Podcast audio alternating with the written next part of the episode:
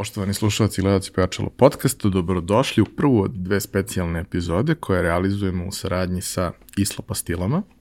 Uh, Isla pastile su pastile za grlo i brinu o našem dobrom glasu i grlu. Uh, smanjuju uh, posledice nadraženog kašlja i smiruju uh, glasne žice.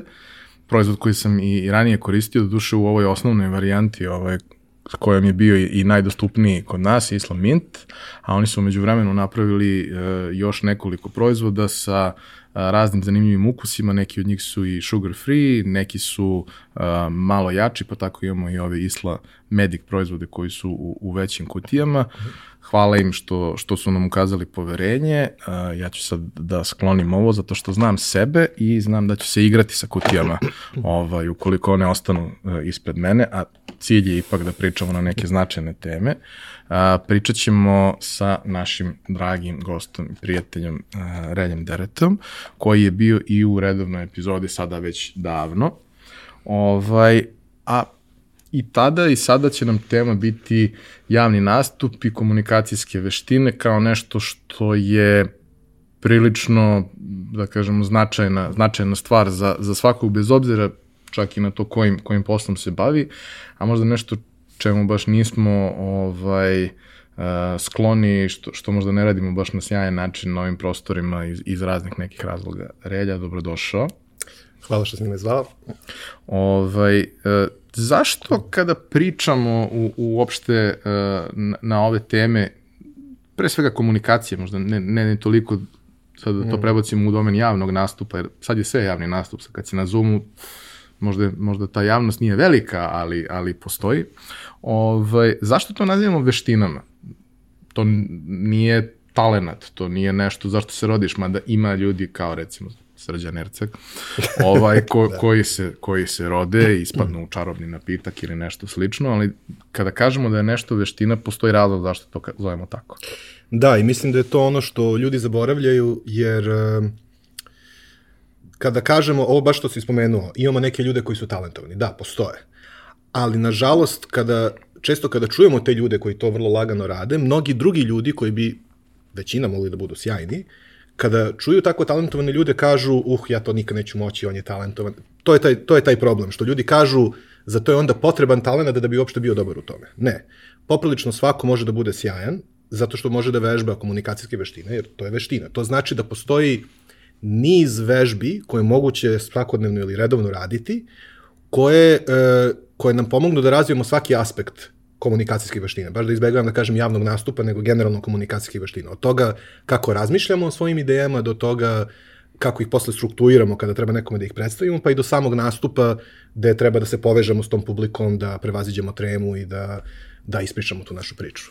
Da, svakako faza 2 je uh, pripremanje za publiku mm. i za sve što usto ide, ali u, u, u nekoj prvoj fazi uh, vrlo je bitno da na neki način, na neki dobar način, a za to srećom postoje i, i, i određene pravilnosti i mm. određeni saveti koji mogu da se primene, na neki dobar način da pripremimo šta je to što želimo da kažemo, da strukturiramo ono što želimo da kažemo, a zatim i da svaku od tih stvari koje, koje su nam bitne, uh, ovaj, na, na adekvatan način opišemo i uh, na adekvatan način objasnimo. Jer kod nas postoji taj, uh, taj moment koji se provlači kroz sve forme javne komunikacije mm. gde uh, smatraš da si uh, učinio fantastičnu stvar onog trenutka ako si nešto zakomplikovao toliko da druga strana kaže dobro, dobro, ne znam, čim ti znaš te komplikovane reči i sve to pobedio sigurno si. ti razumeš, pobedio si šta god, a mislim,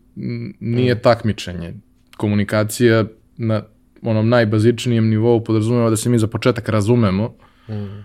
a onda sve ono ostalo. I onda, uh, mi smo se zapravo upoznali, to, to ljudi koji ovaj, su pratili epizodu ili nas znaju, znaju, mi smo se upoznali kroz TED, odnosno TEDx, a TEDx je upravo, odnosno TED kao, kao konferencija i kao na neki način uh, način oblikovanja priča mm.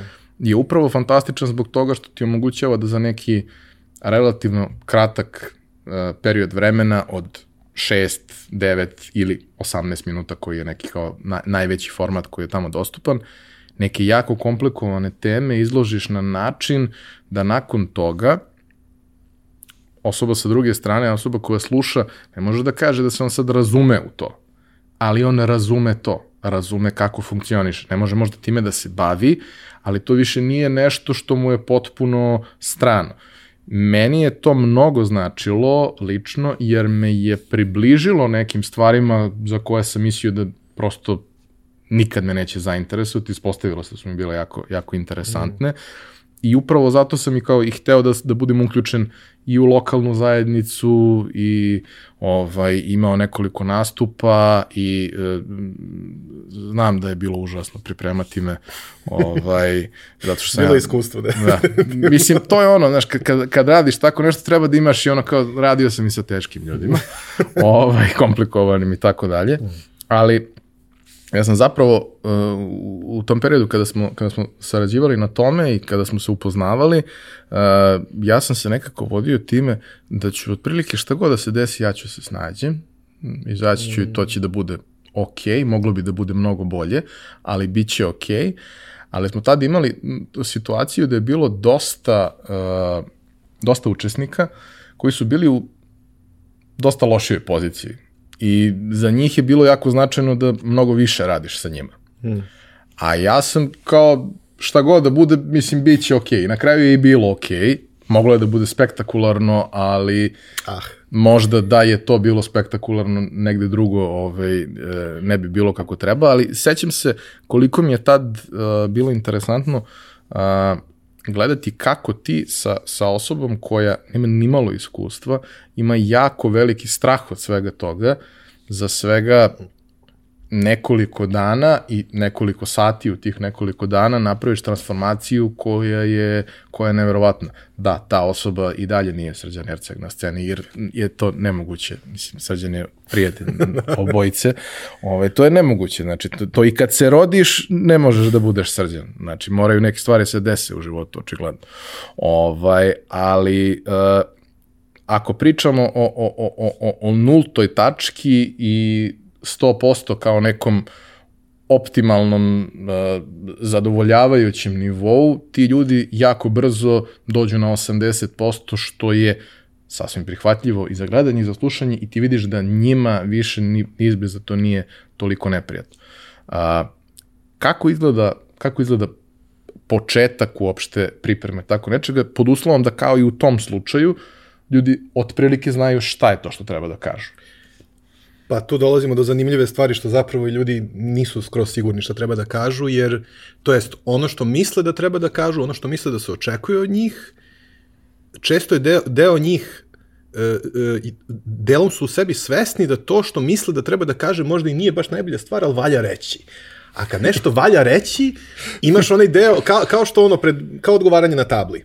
Znaš, valja ispričati hronološki, nikome to nije zanimljivo da sluša ali to treba ići po redu, znaš. I sad, um, imaš tu situaciju da, zašto ljudi onda između oslog imaju tremu ili problem? Zato što su svesni da to što pričaju nije baš možda najbolji redosled kako bi to mogli da iznesu ili pravi izbor informacija i poruka, ali osjećaju neki pritisak, taj neki ono profesorski pritisak, ja moram sad sve da prenesem. Ja moram da ispričam celu lekciju, tako reći. Tako da je početak procesa zapravo da se te ideje što oni treba da kažu i da vrlo realno sagledam, ok, ko je publika? I to je ono uvek na početku što kažem sada i klijentima, e, šta, šta je to što stavljate na papir kad se pripremate za govor, pa kao šta treba da kažem, ključne tačke. Cool, treba to da staviš na papir, ali to ide na kraju. Prvo stavi na papir ko je preko puta tebe. E, ka, koje možda predrasude o temi ima ta osoba, koja ima predznanja ili nema nikakvo znanje koje, ne znam, e, koje očekivanja ima, šta očekuje da čuje, što ne znači da treba da ispuniš to očekivanje, ali ajde da mapiramo šta ta osoba očekuje. I na kraju, koji je neki interes te osobe, zašto bi ta osoba to trebalo da čuje. Što opet možda nije svesna da, to, da je to njen interes, ali na nama je da prepoznamo. Kad to definišeš, pa onda kažeš, ok, to je ta osoba, to je ta publika, koliko imam vremena, e, da li je to popodne posle ručka ili ujutru predavanje, što je kao što znamo, bitna razlika, ono, kada se krv spusti u stomak ovaj, nakon ručka i sad treba neko da priča nešto. E, I na kraju, to je kao neki treći korak, šta hoću da postignem. I ovde je jako bitno, šta hoću da postignem nije šta treba da kažem. I tu se ljudi zeznu i to je, to je česta situacija kad te pozovu da održiš, ono, ajde da održiš prezentaciju na temu tu i tu, što često znači predstavi taj taj projekat. Nije cilj predstaviti nešto. Cilj je da se ta publika zaintrigira za tu oblast, da se možda zainteresuje za taj projekat, da se prijavi, da nešto uradi nakon toga.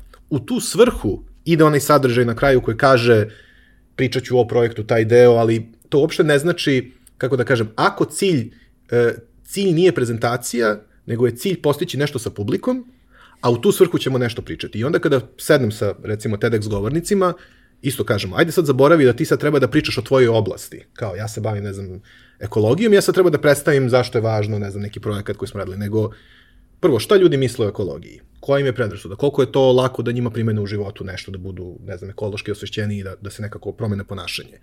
E, koji imaju predrasudu prema tome? Koji imaju očekivanje? Pa, znači, idemo kroz taj proces gde kako to stavljamo na papir, čak i ako nemamo jasnoću, tipa nismo sigurni šta ljudi očekuju. To je opet olakšavajuće zato što govornik sad shvata, ok, ja zapravo ne znam kom je publika, mogu da pitam publiku. Mogu da na početku kažem koliko vas misli da je ekologija to i to. I kao ljudi podignu ruke i već smo stvorili čuvenu interakciju, ovaj, što ljudi mnogo vole. Ovaj, to ali... si na Zoomu isto može se podigne da, da. ruke. ovaj, ako je upaljena kamera, ne. Ali, ovaj, i ono što je bitno je da kroz taj proces osoba se suočava s realnošću i kaže sebi možda ja uopšte ne znam kome je publika i to je okej. Okay. Jer meni je, to je svakome ko se iole bavi nekim govorništvom u smislu da negde komunicira nešto, a kao što, zna, kao što si sam rekao, to je sve više nas, sve više to radi, mi nemamo jedno veliko finalno predavanje koje mora da bude strava, mi imamo niz situacija u kojima komuniciramo i mi, tako reći, kroz taj proces e, pripreme za te različite situacije investiramo ne samo u svoje neke komunikacijske veštine, nego i u našu, spo... investiramo i u naše poznavanje publike, u naš odnos sa publikom. Da ja recimo na prvom nekom predavanju ili ovaj govoru koji držim, kažem recimo meni se čini da je publika takva i takva. Mislim da su, ne znam, da imaju veliku predrasudu prema ovoj temi. I onda krenem sa tom pretpostavkom, krenem priču i shvatim i pitam i koliko vas misli da je ova tema takva i takva. I niko ne podigne ruku. Aha, znači mislite to i to. I ja shvatim da se meni skroz obrnula publika ja prilagođavam dalje svoju priču, ali ja za svaki naredni put kada pripremam tu istu priču, uh, uh, osjećam se mnogo spremnije zato što sada poznajem publiku više. I da se vratimo na TEDx, taj proces, da kažem, upoznavanja sa publikom, sa okolnostima, s time šta hoćeš da postigneš, ljude već u startu opusti, jer shvatite da ne moram ja sve da kažem o svojoj oblasti, ja treba njih da zainteresujem da oni odu sutra na sajt ili negde i saznaju više o toj oblasti. Uh, to je taj prvi korak, sad ne znam da li idemo dalje u korake ili... Pa znaš šta, e, ali taj moment je upravo to što, što, što mislim da je i najveća vrednost. Dati dovoljno da te mm. zaintrigira, dati dovoljno da ti imaš alat da, da nastaviš dalje. Sad, nisu sve situacije takve, Nema, nemaš uvek 18 mm. minuta, nekad imaš sat i po da ispričaš nešto. Nekad Ali i da. dalje, e, poželjno je da to vreme držiš pažnju. Nećeš se isto pripremati, naravno mm. da ne možeš mm. da, da budeš ako nemaš dovoljno vremena i ne, nisi ispraksan što se toga tiče, ne možeš da budeš uh, fantastično spakovan tri sata da pričaš o nečemu, ali treba da imaš nekakvu strukturu koju je tebi lako da pratiš, koja je njima lako mm. da prate, gde prosto imaš nekakav tok koji, koji, koji tu da ide. Uh, nekako mislim da uh, upravo taj, ta postavka koja kaže uh, pričamo o tome kao veštini, razvijamo to kao što razvijamo veštinu, daje dobru, e, zdravu, polaznu osnovu ljudima da ne posmatraju kao katastrofalnu stvar ako e, prvi put e, sebe snime i vide da je to loš. Mm. Jer u principu, mislim, ja mislim da sam to rekao nekoliko puta u, u podcastu, ako postoji jedna stvar ovaj, uh, što se mene tiče, koja me izdvaja u odnosu na, na prosječnog čoveka i koja je razlog zašto sam ja možda postanem dobar u nečemu i dobar sam u nečemu, to, to je zato što sam ja uporan ko mazga, to u principu svi znaju, ovaj, ali druga stvar što nemam problem s tim da budem loš. Zato što mm. to je jednostavno tako. Da, postoje ljudi koji su rođeni za nešto i ti ljudi su loši u ko zna čemu drugom u životu, samo što jebi ga u tom trenutku to ne vidiš. Mm. Ali možda je on fantastičan na sceni, ali zato u privatnom životu ima gomilu drugih problema, ne, ne pričam sad o srđanu, ali, ali recimo. Ovaj, a, da prosto svako od nas ima neke stvari, neke probleme, neke, neke elemente uh, svog uh, i profesionalnog i, i ličnog života na kojima može da radi.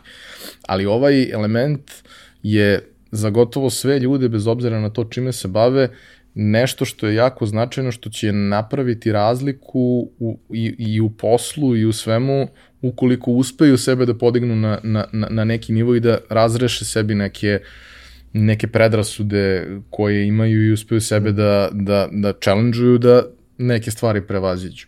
A, ti si imao prilike da radiš sa, sa najrazličitijim ljudima i onima koji su hmm. iskusni i fantastični govornici, ali su ipak hteli da porade na tome, pa si i njima davao neke vrlo, vrlo zanimljive insajte, ovaj, ali i sa ljudima koji su potpuni početnici, ali prosto pozicija od njih zahteva tako nešto. I sa timovima u okviru kojih prosto komunikacija često nije na, na dovoljno dobrom nivou i uvek tu postoji uh, stvari koje se prećute, a ne bi trebalo da se prećute, stvari koje se kažu, a možda nisu baš morale da se kažu ili nisu morale na taj način.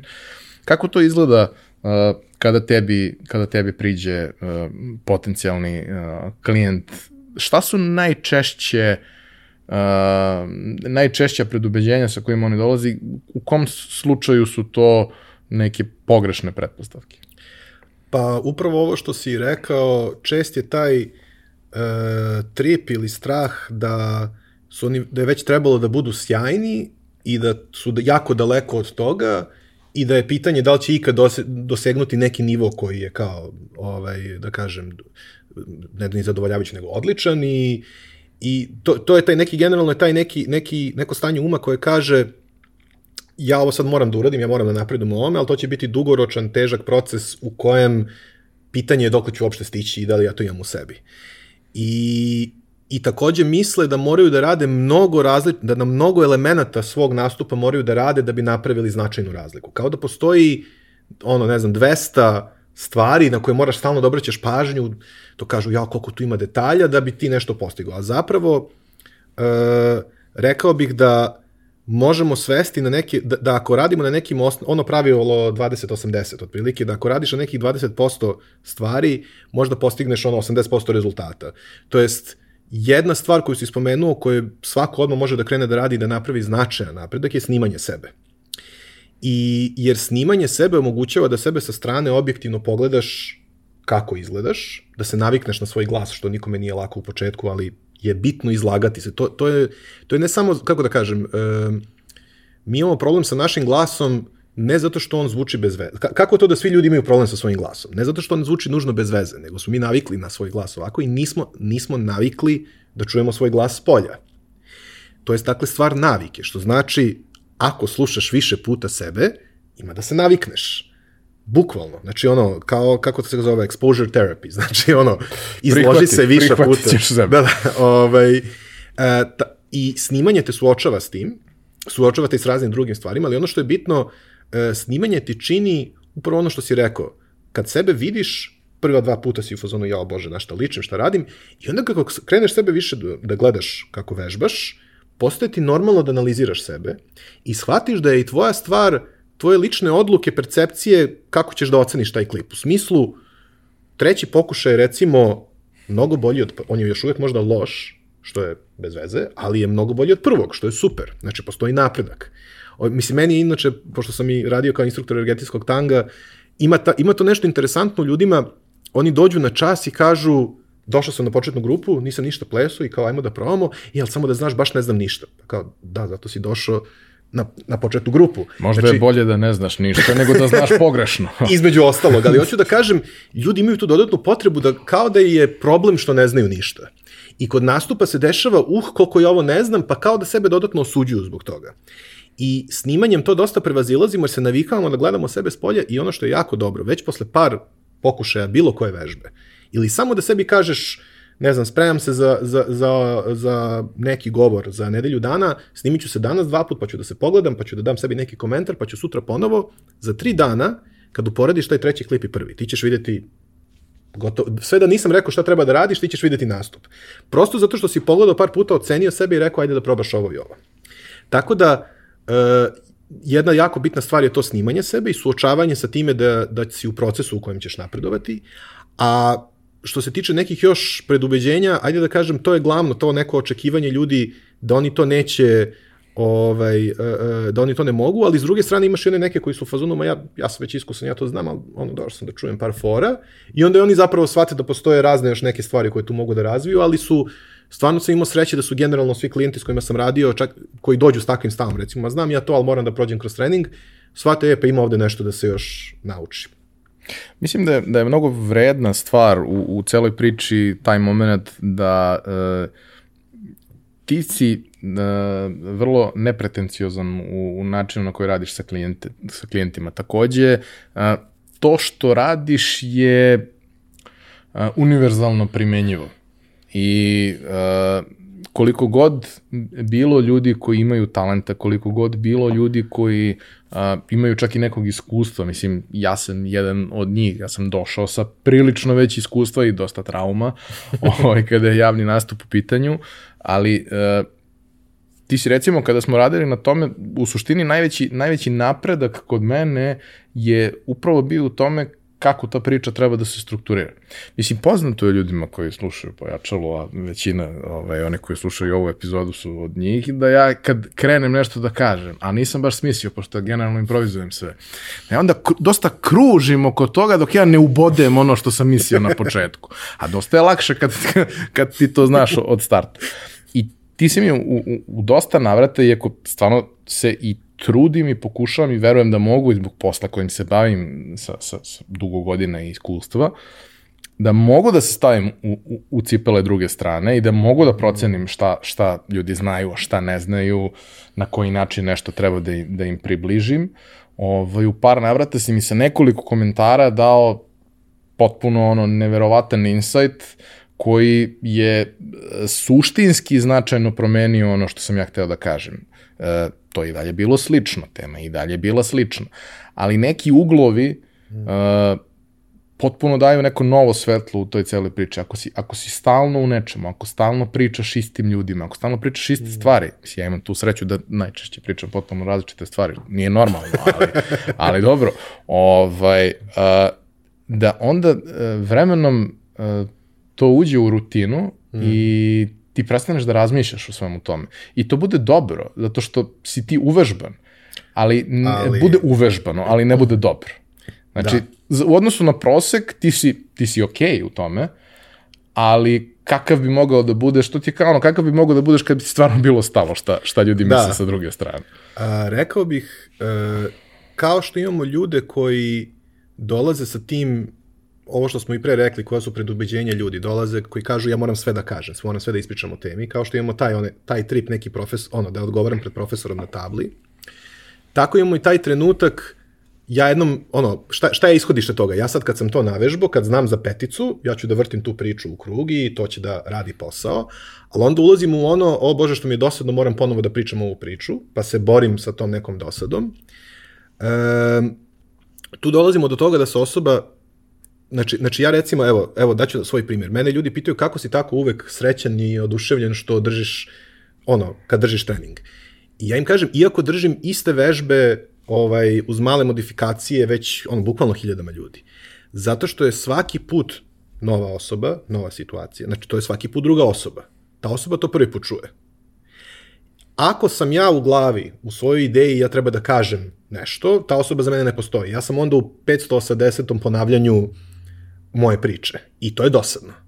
Ali ako sam ja u, u kontaktu s tom osobom i gledam tu osobu i kažem, hoću da ova osoba ovde shvati ovo što, shvati ovo što ja pričam, to onda postaje jako uzbudljivo. Iako sam već možda 500 puta istu vežbu radio. Zašto? Zato što me sad zanima kako ta osoba u tom raspoloženju, sa tim predznanjem, taj dan, dok sam ja u nekom raspoloženju, stanju i tako dalje, u toliko sati prepodne, popodne, kako će ta osoba to da shvati. I dakle, šta nam to zapravo govori? Jako je važno da smo, da konstantno sebe podsjećamo, to je da budemo u kontaktu sa sobom i u kontaktu sa drugom stranom. I ako to imamo kao neku bazu, ja sam neka ono, realna osoba koja priča s nekim još bitnije realnim ljudima preko puta, e, maltene ne postoji način da se smorimo zato što zato što je preko puta neka nova osoba, neka realna osoba i meni ako je stalo da shvatim ko je ta osoba, ja ću odjednom jako da se angažujem da nađem, a kako baš njoj da ovo drugačije objasnim, iako sam možda 500 puta koristio isti primjer. Mislim da je u, u tom slučaju možda i najvažnije to što je tebi stalo. Da. Druga stvar je što, što je uh, princip uh, rada takav da imaš povratnu informaciju. Mm. I kad imaš povratnu informaciju, čak i ako ona nije uvek idealna, a mislim, Ipak vrlo redko da. u životu imaš Da. uvek idealne povratne informacije od ljudi, ti imaš materijal sa kojim možeš da radiš. A često kada, kada pričamo o svemu tome, ti nisi siguran ni da li imaš povratnu informaciju ili je nemaš u realnom vremenu, nego ćeš je možda imati naknadno, ili nisi siguran da li možeš da je izazoveš, a vrlo često možeš da je izazoveš. Mislim, sećam se, e, pre nekog vremena bio da mi je, kažem, da. ovaj, e, bio mi je e, Voja Žanetić, mislim da je pomenuo, ako ne čak u pojačalu, možda u nekom drugom intervjuu koji sam slušao, dok su oni svoje vremeno radili indeksovo pozorište koje je bilo hit i sve što usto ide, kaže, dešavalo se s vremena na vreme da izađemo pred publiku, prođe prvih 10 minuta kad imaju tri vrhunske fore, kada eksplodira svaki put dvorana i ne desi se ništa i kao koliko god mi bili uvežbani profesionalci, tebi je jako neprijatno. Mm. Ali u nekom trenutku nađeš nešto zbog čega se stvar krene da se odmotava i sve bude mnogo lakše. Kako ti misliš da, da bi to trebalo da, da, da se radi? Odnosno, kako čovjek treba da razmišlja o tome? Ne možemo da damo generalni savet za specifične situacije, ali Da. kako treba razmišljati o tome? Uh, pa rekao bih, uh, jako je bitno između ostalog razdvojiti šta je tvoja odgovornost, a šta je odgovornost publike. Postoje mesta na koje publika dolazi jer mora da dolazi, postoje mesta da dolazi jer je motivisana da dođe. Znači, za početak, i posebno kad su negde ljudi naterani da dođu, ti u startu možeš sebi još malo da napraviš, ot, napraviš otklon, ta strana možda nije smorena ili nekakva zato što ja nešto radim, što ne znači naravno da se ja perem od odgovornosti, ali da prepoznam da postoji odgovornost publike da bude, da kad se već tu pojavila, bude u nekoj meri motivisana da sluša. E, zato što ljudi često internalizuju čim ne vide ono 20 nasmijenih lica, nego nekoga, i često se fokusiramo taj neko ko je smoren, mi kažemo, evo vidi, evo, smorio se, ja ne znam šta radim, ovo je dosadno i tako dalje. Ovaj, a posebno je to danas prisutno sa online, to je Zoom i ono Skype sastancima, to uh, Teams sastancima, gde, gde uh, često ljudi ugase kamere i sada posebno, ja sam sad i držao online treninge, ti treba nešto da pričaš i ti gledaš ono samo ikonice neke i nema reakcije i ti baš je ono bez veze osjećaj. I ono što ja tu radim, i možda je to sad i korisno da kažemo, jer to je ono što je realnost sada mnogih ljudi, traž, prvo tražim ljudima da upale kamere. To nije prijatan trenutak, ali... Tako je, ljudi te ne vole zbog toga, sigurno. pa znaš kako, ne volim u početku, ali na kraju kažu, ej, dobro je ovo ispalo. Jer imaš i firme koje su kao neku politiku da bi, ne znam, sačuvale brzinu interneta ovaj, i to, to je konekciju, e, kao mi svi gasimo kamere. Pa kao, dobro, malo je sve sad brže, to jest manje, ne znam, šumova u komunikaciji, ali se ne vidite. Znači, tu, se, tu je ogroman gubitak u komunikaciji što ja ne vidim ljude preko puta.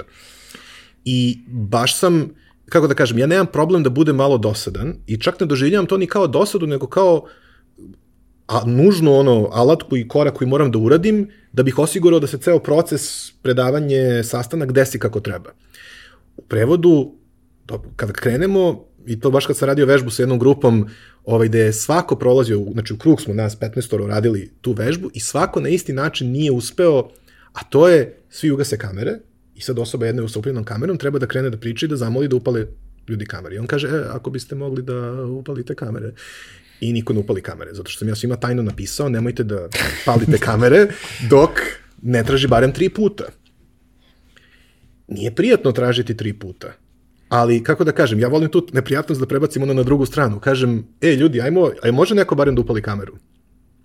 Naravno, idemo odmah tako direktno, ali ono u jednom trenutku dođem, volio bi samo da vidim ko je preko puta, čisto da vidim s kime pričam. Ako niste našminkani, sređeni, obučeni, ako ste u pidžami, sve je okej. Okay. Svi smo navikli već, svima, svi smo svima videli porodice, kućne ljubimce, sve redom, pozadine ono, i ovaj, ono, na zidovima. I onda ljudi upale kamere. I ponekad sam upale mahnu i ugase. Ok, to je nešto. A po meni to, bukvalno, bukvalno mi se to dešavalo. Ali po meni to je, to je deo procesa u kojem gradiš odnos sa publikom i gde ja, ja tražim ono što, meni treba reakcija, ja ću da je tražim. I onda postane, kad to više puta tražim, postane njima neprijatno što to ne rade i krenu pala, i kako par ljudi upali kameru, onda ostali kažu, uh, sad sam ja bez veze što nisam upalio kameru i krene da pale kameru. U prevodu, znači, rešenje je bori se za ono što ti treba da bi obezbedio što veći kvalitet ili što bolju komunikaciju.